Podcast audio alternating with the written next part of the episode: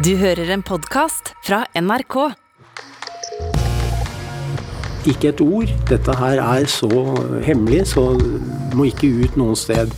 Rundt 1960 tar etterretningsorganisasjonen CIA i bruk Bodø som base for det superhemmelige spionflyet U-2. Uh, I went into Norway, uh, took a U-2 into Norway in 1958. USA vil spionere på Sovjetunionen, som de frykter leder atomkappløpet. Hvis det er sant at Khrusjtsjov produserer raketter på samlebånd, gud hjelpe oss, de må jo ha mye, mye mer enn oss. Så klarer russerne å skyte ned spionflyet. Eight missiles were fired at his airplane. The wings snap off. Det blir en enorm internasjonal krise. Обожди! Пропаганда! Ишь ты какой! Послушай! Sovjetunionen truer med å bombe Bodø med atomvåpen. Plutselig så, så skjønte vi at, eh, at et, et eller annet forferdelig kunne skje med oss. Foreldrene mine var redde, og det gjorde meg redd.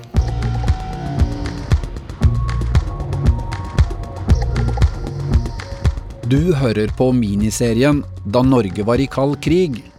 Første del er Spionflyet i Bodø av Ola Helnes. Selmer Nilsen sniker seg mellom tyske bunkere fra andre verdenskrig. På Tyskerhaugen i Bodø har han fri sikt mot flyplassen. Han spionerer med kikkert for den sovjetiske etterretningstjenesten, og nå ser han etter et spesielt fly. Finnmarkingen i slutten av 20-årene har jobba for kommunistene i Sovjetunionen i mange år. Der hadde jeg jo bl.a. rigga opp senderen, radiosenderen. Som en av Sovjets mange spioner har han informert østover i årevis. I Bodø har han vært flere ganger for å snuse i hva amerikanerne driver med her. For på slutten av 50-tallet vil sovjetrusserne finne ut hva som ligger bak en topphemmelig amerikansk plan. USA vil spionere fra lufta, dypt inne i Sovjetunionen. Kommunistspion speider etter Lockheed U-2, det amerikanske flyet som kan se ned fra stor høyde hva russerne driver med på bakken. Ja, man ser jo det at det er bra sted. Har god utsikt over, over flyplassen og ser når flyet letter og lander.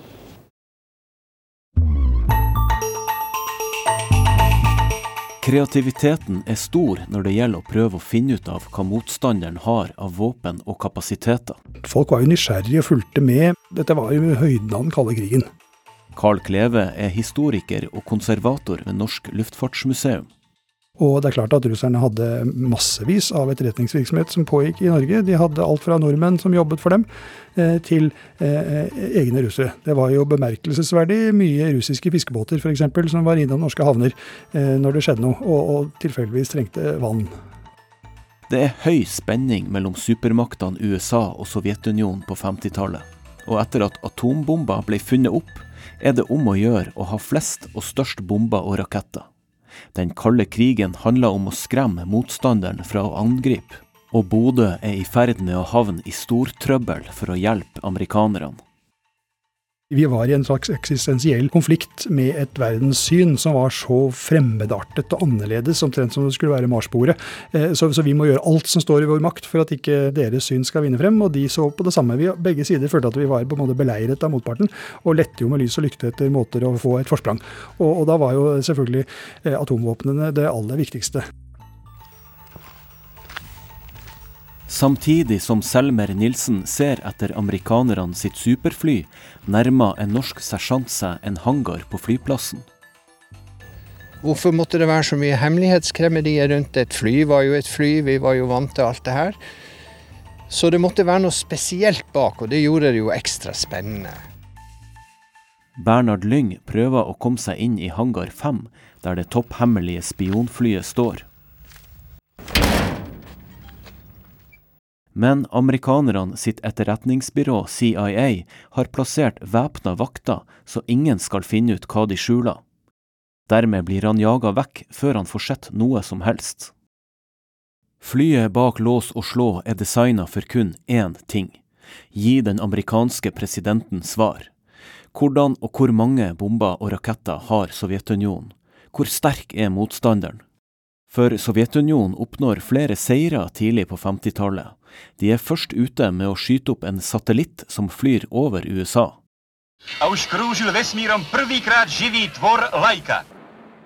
De får til og med hunden Laika opp i atmosfæren i en romkapsel. Kanskje kan de også få atomvåpen opp i stor høyde og nå byer som New York eller Washington. Slike tanker skremmer amerikanerne, og presset øker. Skrekken blir ikke mindre av at den sovjetiske lederen Nikita Khrusjtsjov skryter av den 34 meter høye atomraketten R7, og at den strømmer ut av fabrikkene som pølser på et samlebånd så eh, ble jo den vanlige vanlig amerikaner veldig redd, og det utviklet seg eh, sånn hysteri. Man, man, snakket om the bomber gap og, og, og, the missile gap. Hvis det er sant at Khrusjtsjov produserer raketter på samlebånd, gud hjelpe oss, de må jo ha mye, mye mer enn oss. Nå må vi enten da, så må vi finne ut av om dette stemmer, og hvis det stemmer, så må vi jo produsere mye, mye mer. Eller hvis det, kanskje det viser seg at det bare er tull. Den amerikanske presidenten Dwight Eisenhower foreslår i 1955 at begge landene åpner luftrommet så motparten kan få se hva som foregår av våpenopprusting. Men Khrusjtsjov nekta, for historien om masseproduksjon av raketter vil han at amerikanerne skal tro på. I USA frykta de et overraskelsesangrep aller mest.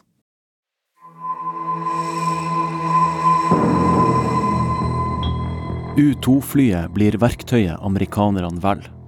De bygges i California, og pilotene blir utdanna ved Area 51 i Nevada-ørkenen.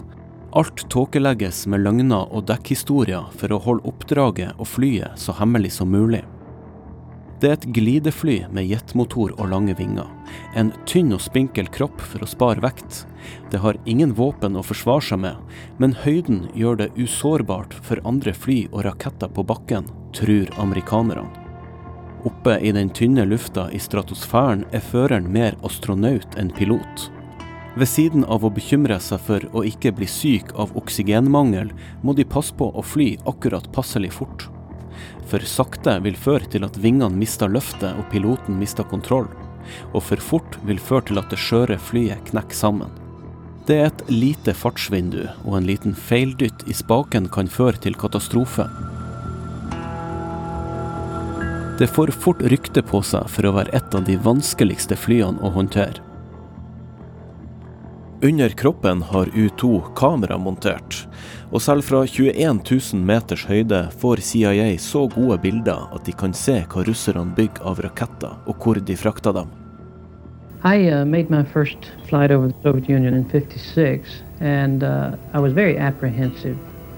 Pilot Francis Gary Powers er engstelig første gang han fører U2 inn i fiendens territorium. The closer I got to the border, you know, the more apprehensive I became because you just expected something to happen. And uh, when you crossed and nothing happened, you know, it was sort of a, a slight letdown, I guess. But uh, you were still very keyed up. I was seeing things that no other American had ever seen. Det er ikke bare den sovjetiske grensa som må krysses. Når han var over Hamar, så ble vi sendt av gårde. Den norske jagerflypiloten Tore Virrik blir i oktober 1957 sendt på vingene fra Gardermoen for å avskjære et fly som krenker norsk luftrom. Flyet kommer nordfra og blir oppdaga på radar, men den norske piloten klarer ikke å finne flyet.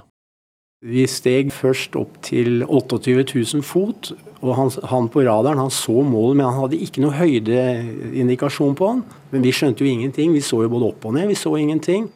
Flyet er rundt 40 000 fot over han. Dobbelt så høyt som et vanlig rutefly. Det, det var jo helt utrolig. Vi, det var ingen som visste at fly kunne gå så høyt. Ordren er å identifisere og tvinge det ned. Og hvis ikke han eh, adlyd dette her, så var det å skyte varselskudd på han, og i verste fall da rett og slett skyte han ned. Han får et lite glimt av flyet langt over han, men hans eget fly har ikke sjans å nå opp dit. Nei, vi har løsna aldri skudd. Vi kom jo aldri på skuddhold i hele tatt. Avskjæringa må avbrytes. Rapporten som Virrik skriver om hendelsen, blir gjemt unna. Skvadronsjefen og han eh, sier at ikke et ord, dette her er så hemmelig, så må ikke ut noen sted. U-2-flyet som Virrik så, var på vei hjem til en base i Tyskland etter endt oppdrag. Året etter blir en base mye nærmere Sovjet inkludert i amerikanerne sitt hemmelige oppdrag. For i 1958 spør CIA norsk etterretningstjeneste om lov til å etablere en midlertidig base i Bodø. Det får de ja til, og pilot Francis Gary Powers setter kursen mot nordlandsbyen. Uh, I went into Norway, uh, took a U-2 into Norway in 1958, and uh, there were some flights made out of there. Uh, I don't know where they went because I didn't fly one of those. I just brought the plane in. Bodøhalvøya er flat, og det er ikke vanskelig å se at det er noe hemmelig som foregår. Det forteller Johan S. Norgård, som jobber på flyplassen. Mange hadde, hadde, fortalt historier som gikk rundt på byen om, om mystiske svarte fly som, som fløy rundt over byen her. Det ble fortalt at uh, mystiske grå biler passerte ut og inn av flyplassen uten nummerskilt. Det går ikke å holde sånt hemmelig for Sovjet. Det er for mange øyne og ører som følger med. For Norge blir det en balanseøvelse. Vi vil hjelpe USA i sitt etterretningsarbeid, men vi må ikke provosere russerne for mye. Carl Kleve, historiker ved Luftfartsmuseet. Det var jo ikke noe tvil om at Norge var alliert med USA. Eh, det måtte ingen tvile, ikke Sovjetunionen heller. Men vi var kjempeinteressert i mest mulig lavspenning i nord.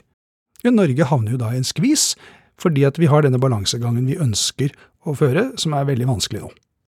Det viktige for Norge er at flyene ikke brukes til å krenke Sovjetunionen sitt luftrom fra basen i Bodø. Regjeringa godkjenner bare flyging inn mot grensa. Overtramp kan i verste fall føre til tredje verdenskrig. Hvert land har en suveren rett til kontroll av sitt eget luftrom. Og Hvis du begynner å fly U2-fly over et annet land, så har du da, uten å spørre om lov, så har du per definisjon da har du gitt landet rett og lov både til å skyte det ned og finne på andre ubehagelige ting. Og det kan fort bli en internasjonal krise. Likevel skjer dette flere ganger med U2, også når det flyr ut fra Norge etter endt opphold i Bodø i 1958. Flyene blir oppdaga på radar, men sovjetrusserne klarer ikke å gjøre noe med det.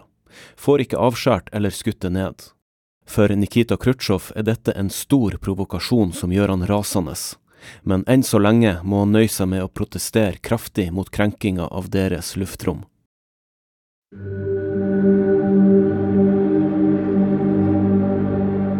Men turene gir ikke USA sin president Dwight Eisenhower de svarene han trenger.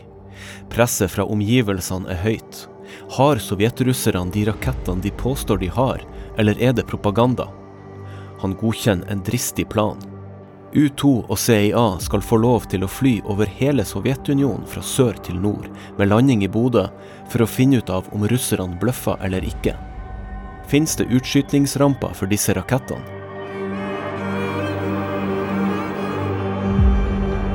Et U2-fly blir gjort klart natt til 1. mai i Peshawar, Pakistan. On May 1st, he gets up very early.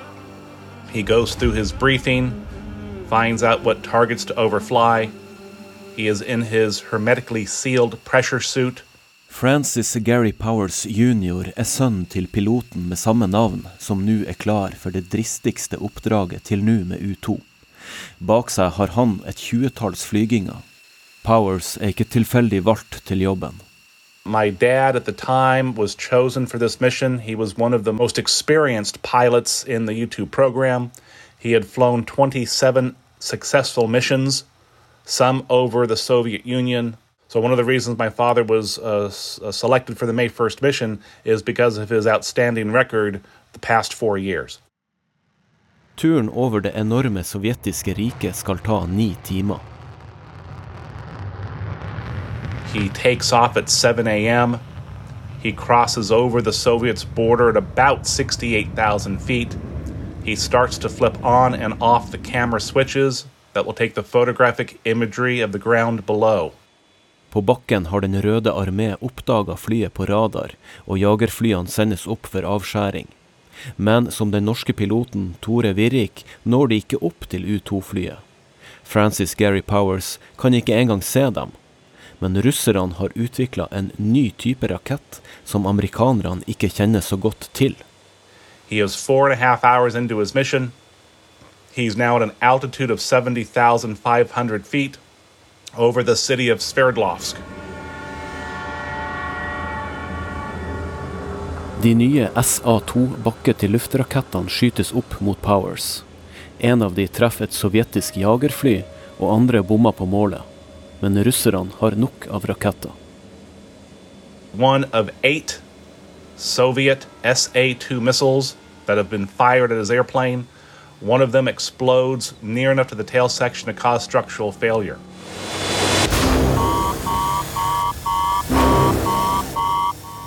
Flyet er nå ikke lenger mulig å holde i lufta.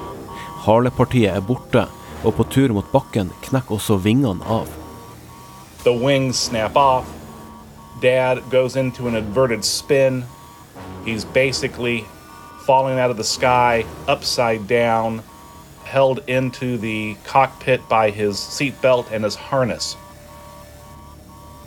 Piloten har som ordre å ødelegge flyet hvis det er fare for at det topphemmelige utstyret og bildene han har tatt, kan havne i fiendens hender. Han har ett minutt på seg fra han har vridd om selvdestrueringsbryteren til å komme seg ut. Men G-kreftene presser han mot instrumentpanelene, så han kan ikke skyte seg ut.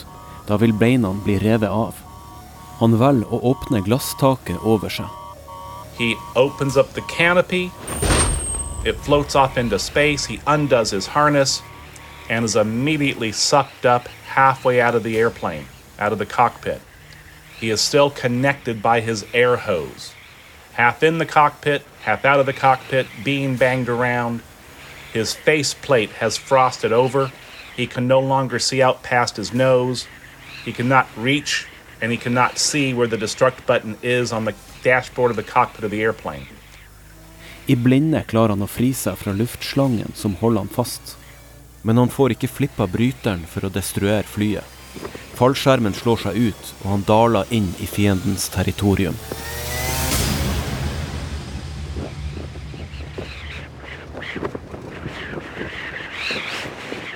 Closer he gets to the ground, the more he notices a dark car following his descent. Den mørke bilen er straks på plass etter Powers landing. To agenter fra den russiske etterretningstjenesten KGB tar han med seg til Moskva og kaster han i fengsel. Generalsekretær Nikita Khrusjtsjov i Sovjet har endelig skutt ned det plagsomme flyet og fanga piloten. Og ikke minst, store deler av spionverktøyet er intakt, og bildene det har tatt kan fremkalles. Dette skal bli viktige brikker i hans videre spill. I USA er det nå brannslukking som gjelder. Først er det jo om å gjøre å begrense skadene, eh, og da trekker de fram en eh, plan som de hadde laget eh, noen år i forveien. Hva gjør vi f.eks. hvis et fly blir skutt ned? Først forsøker de å nekte, så forsøker de å lage en dekkhistorie om at dette er et sivilt, ubevæpnet fly, og ønsker da å turn the tables, som det står i planen, nemlig å få russerne til å fremstå som de onde her, fordi de skyter ned et stakkarslig, ubevæpnet sivilt fly, som ved en uhell har kommet inn i russisk territorium. Så amerikanerne forteller at flyet skulle observere været.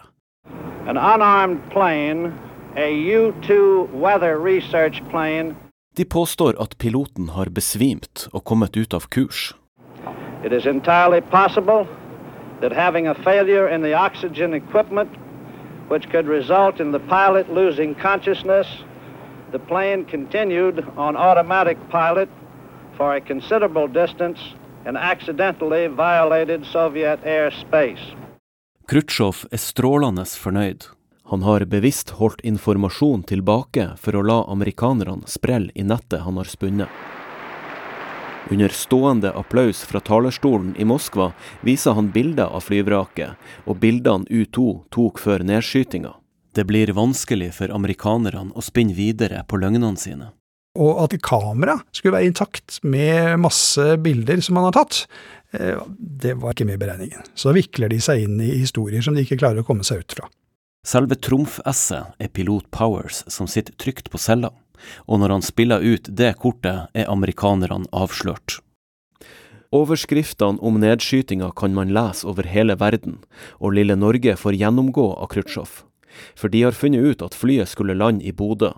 Kanskje føler Khrusjtsjov seg forrådt av Norge, Statsminister Einar Gerhardsen var tross alt den første minister fra et Nato-land som besøkte Sovjet.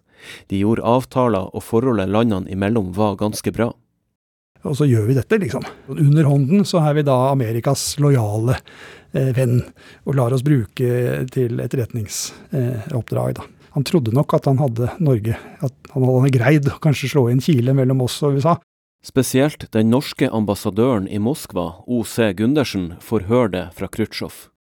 En sterk protestnote. Men jeg hadde fremdeles uh, intet å holde meg til hjemmefra. Verken noen fremstilling av saken eller noen instruks om hva jeg skulle si eller gjøre i den anledning. Khrusjtsjov eh, benytter jo eh, enhver anledning eh, når han treffer på den norske ambassadøren i Moskva, til å fortelle ambassadøren husk, kom, gjør dere det her, tillater det her en gang til, så kommer atombombene. Så han, norske ambassadøren rapporterer jo hjem. Var i Bolsjoj-balletten i går, møtte Khrusjtsjov, truet igjen med å bombe oss. De samme rakettene som U-2 prøvde å avsløre, blir nå brukt som trussel mot Bodø. I byen i Nordland er befolkninga bekymra. Jeg levde jo i en verden hvor russerne var skurken, og amerikanerne og vi var de snille. Knut Eide er tolv år i 1960 og vet godt hvem Nikita Khrusjtsjov er. Han trua med å utslette fiskelandsbyen oppe i nord. Og det jeg merka, det var at de voksne var redde. De voksne, de voksne var redde. Foreldrene mine var redde. Og Jeg vokste jo opp at mor mi og faderen de prata jo bare om krigen, hvordan det var, og var redd for krig. Og vi hadde øvelse her i Bodø. Vi husker en søndag så, så pakka vi matpakke og tok med flasker med vann. Møtte opp med, med, posthuset og skulle evakueres til Skjerstad for å, for å trene på evakuering i tilfelle atombombekrig. Folk tenker på mulighetene de har til å komme seg unna. Jeg husker en, en eldre mann han sa til meg nei, hvis det blir hvis det kommer krig mellom russerne og amerikanerne, så gjør jeg én ting. Jeg tar en båt, og så ror jeg vestover. Ror mot Island. Det er det eneste man kan gjøre. Johan S. Norgård, som jobber på flyplassen, liker dårlig at Bodø får så mye oppmerksomhet. Plutselig så, så skjønte vi at, uh, at et, et eller annet forferdelig kunne skje med oss. I Gorkiparken i Moskva viser Khrusjtsjov fram vraket av U2. Der får alle også se et kart over flyruta, med Bodø inntegna som destinasjon. Den norske studenten Ingjald Ørbekk Sørheim får se utstillinga. Ja, det var en underlig opplevelse. Det var en fantastisk tilstrømning. Vi måtte stå mange timer i kø for å komme inn. Og det ga jo et pussig inntrykk å se hva denne mannen Powers hadde hatt med seg Foruten alt det elektroniske utstyret han skulle bruke til fotografier osv., var han også utstyrt med en del sivile effekter. F.eks. ganske mange pengesedler, både russiske og amerikanske. En del gullringer. Han forteller om hvordan stemninga i Sovjet hardna til mot USA og Norge. Det var helt fantastisk å merke hvordan stemningen snudde i løpet av kort tid. Jeg tror det skyldtes en ekte besvikelse hos både de sovjetiske ledere og i befolkningen. Hele nyhetsprogrammet i radio og fjernsyn ble lagt om. Man vekslet mellom nyhetssendinger og hårde politiske utfall mot vestmaktene, og hvor Norges navn stadig var nevnt. Før alt dramaet med U2 nærma de to supermaktene seg faktisk hverandre. Året før besøker Khrusjtsjov USA. President Eisenhower har han på middag i Det hvite hus, og de første steg blir tatt mot en mer fredelig verden. Neste skritt er toppmøtet i Paris, men nedskytinga av U2 gjør at alle planer om nedrusting av atomvåpen faller i grus. Khrusjtsjov møter opp, han, men istedenfor å sette seg ned og prate, så holder han en flammende tale om disse forferdelige amerikanerne, og oppfordrer alle verdens land til å bryte alt samarbeid med USA. Denne talen holder han foran 4000 pressefolk som er på plass. I over to timer kjefter Khrusjtsjov på USA og deres allierte.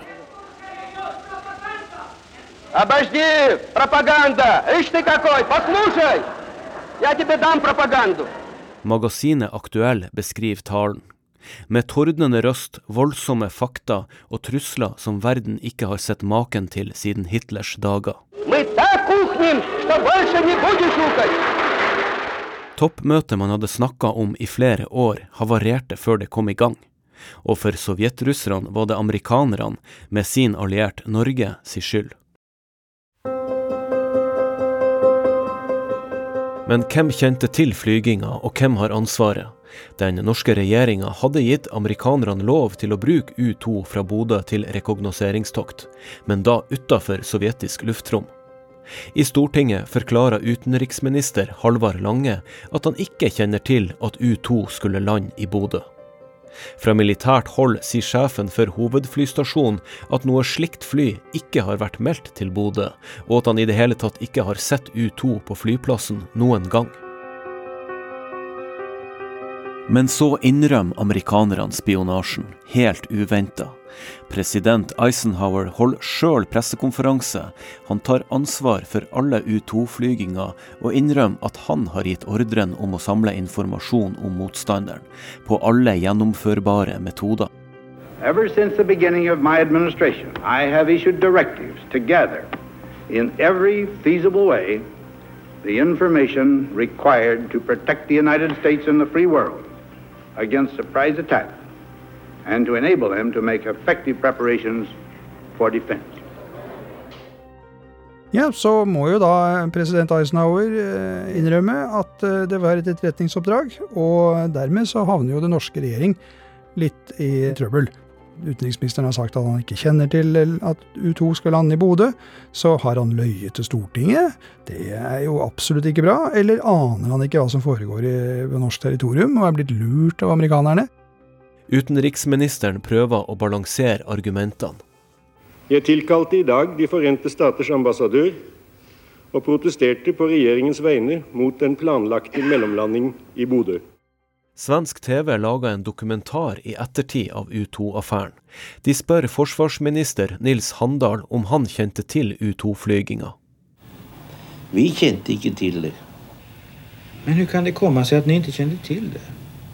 Ja, Det er et av de spørsmål som fremtiden får besvare.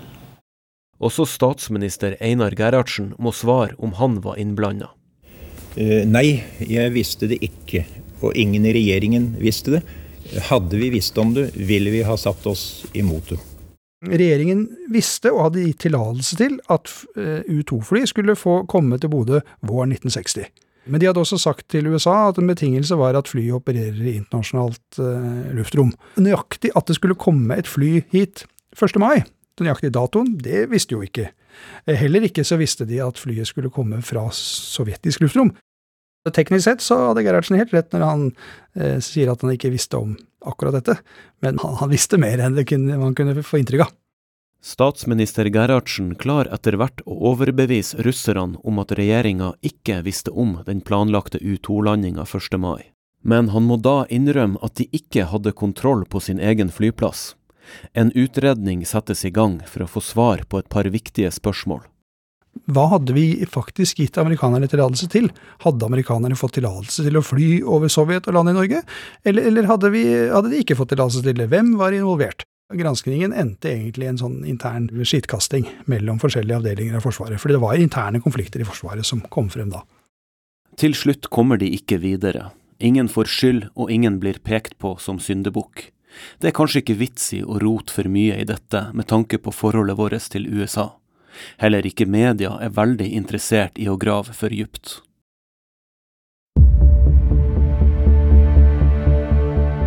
Pilot Francis Gary Powers sitter i underkant av to år i sovjetisk fangenskap før amerikanerne får han ut. På ei bru i Berlin i 1962 bytta USA og Sovjet to spioner mellom seg. Amerikanerne har den sovjetiske spionen Rudolf Abel i sin varetekt. Han bruker de for å befri Powers. Abel ble tatt for konspirasjon mot USA noen år tidligere. Når Powers kommer hjem, blir han for mange en syndebukk og en feiging som hadde hoppa ut av flyet før han fikk vridd om bryteren som skulle sprenge det. Selv om alle høringene han må igjennom konkluderer med at han ikke gjorde noe galt, blir den negative mediedekninga om han sittende inntrykk i befolkninga. Livet ender på tragisk vis i ei helikopterulykke 15 år seinere. Post mortem, 40 år etter nedskytinga, blir amerikanerne sitt arkiv av hendelsen avgradert, og Powers får sin krigsmedalje.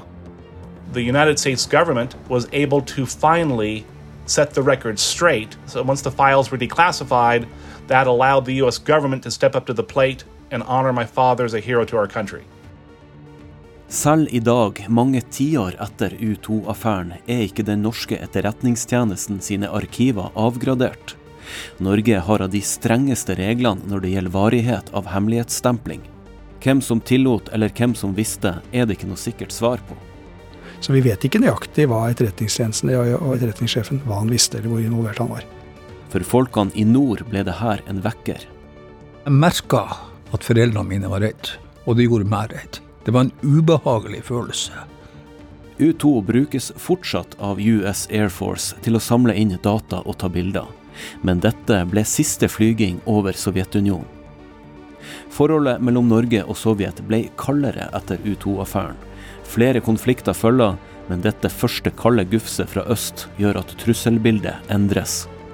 Vi har i grunnen alltid tidligere tenkt at vi kan stort sett forsøke å stå på sidelinja. Krig og konflikt er noe som skjer andre steder. Men dette førte nok til at folk for første gang tenkte at krig, eh, det kan skje, og det, da vil det skje her.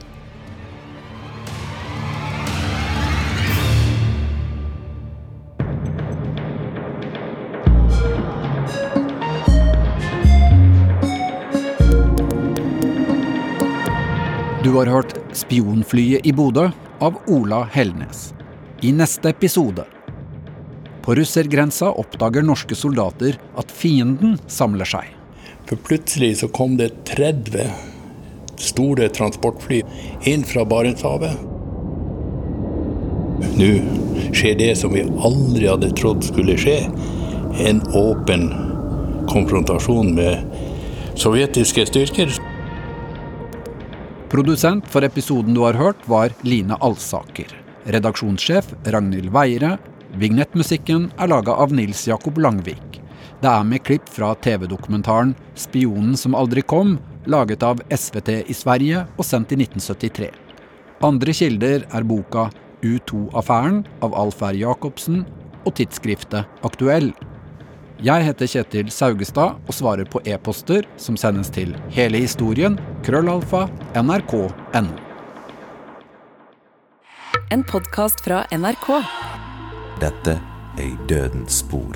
Hvis det har vært kamp mellom uh, offeret og gjerningsmannen, så kan det være hudavskrap under offeret uh, sine negler. Du kan lyge så mye du vil, men sporene avslører jo sannheten. Og det er tatt bilder, sånn CT-bilder, uh, på forhånd som vi har sett på.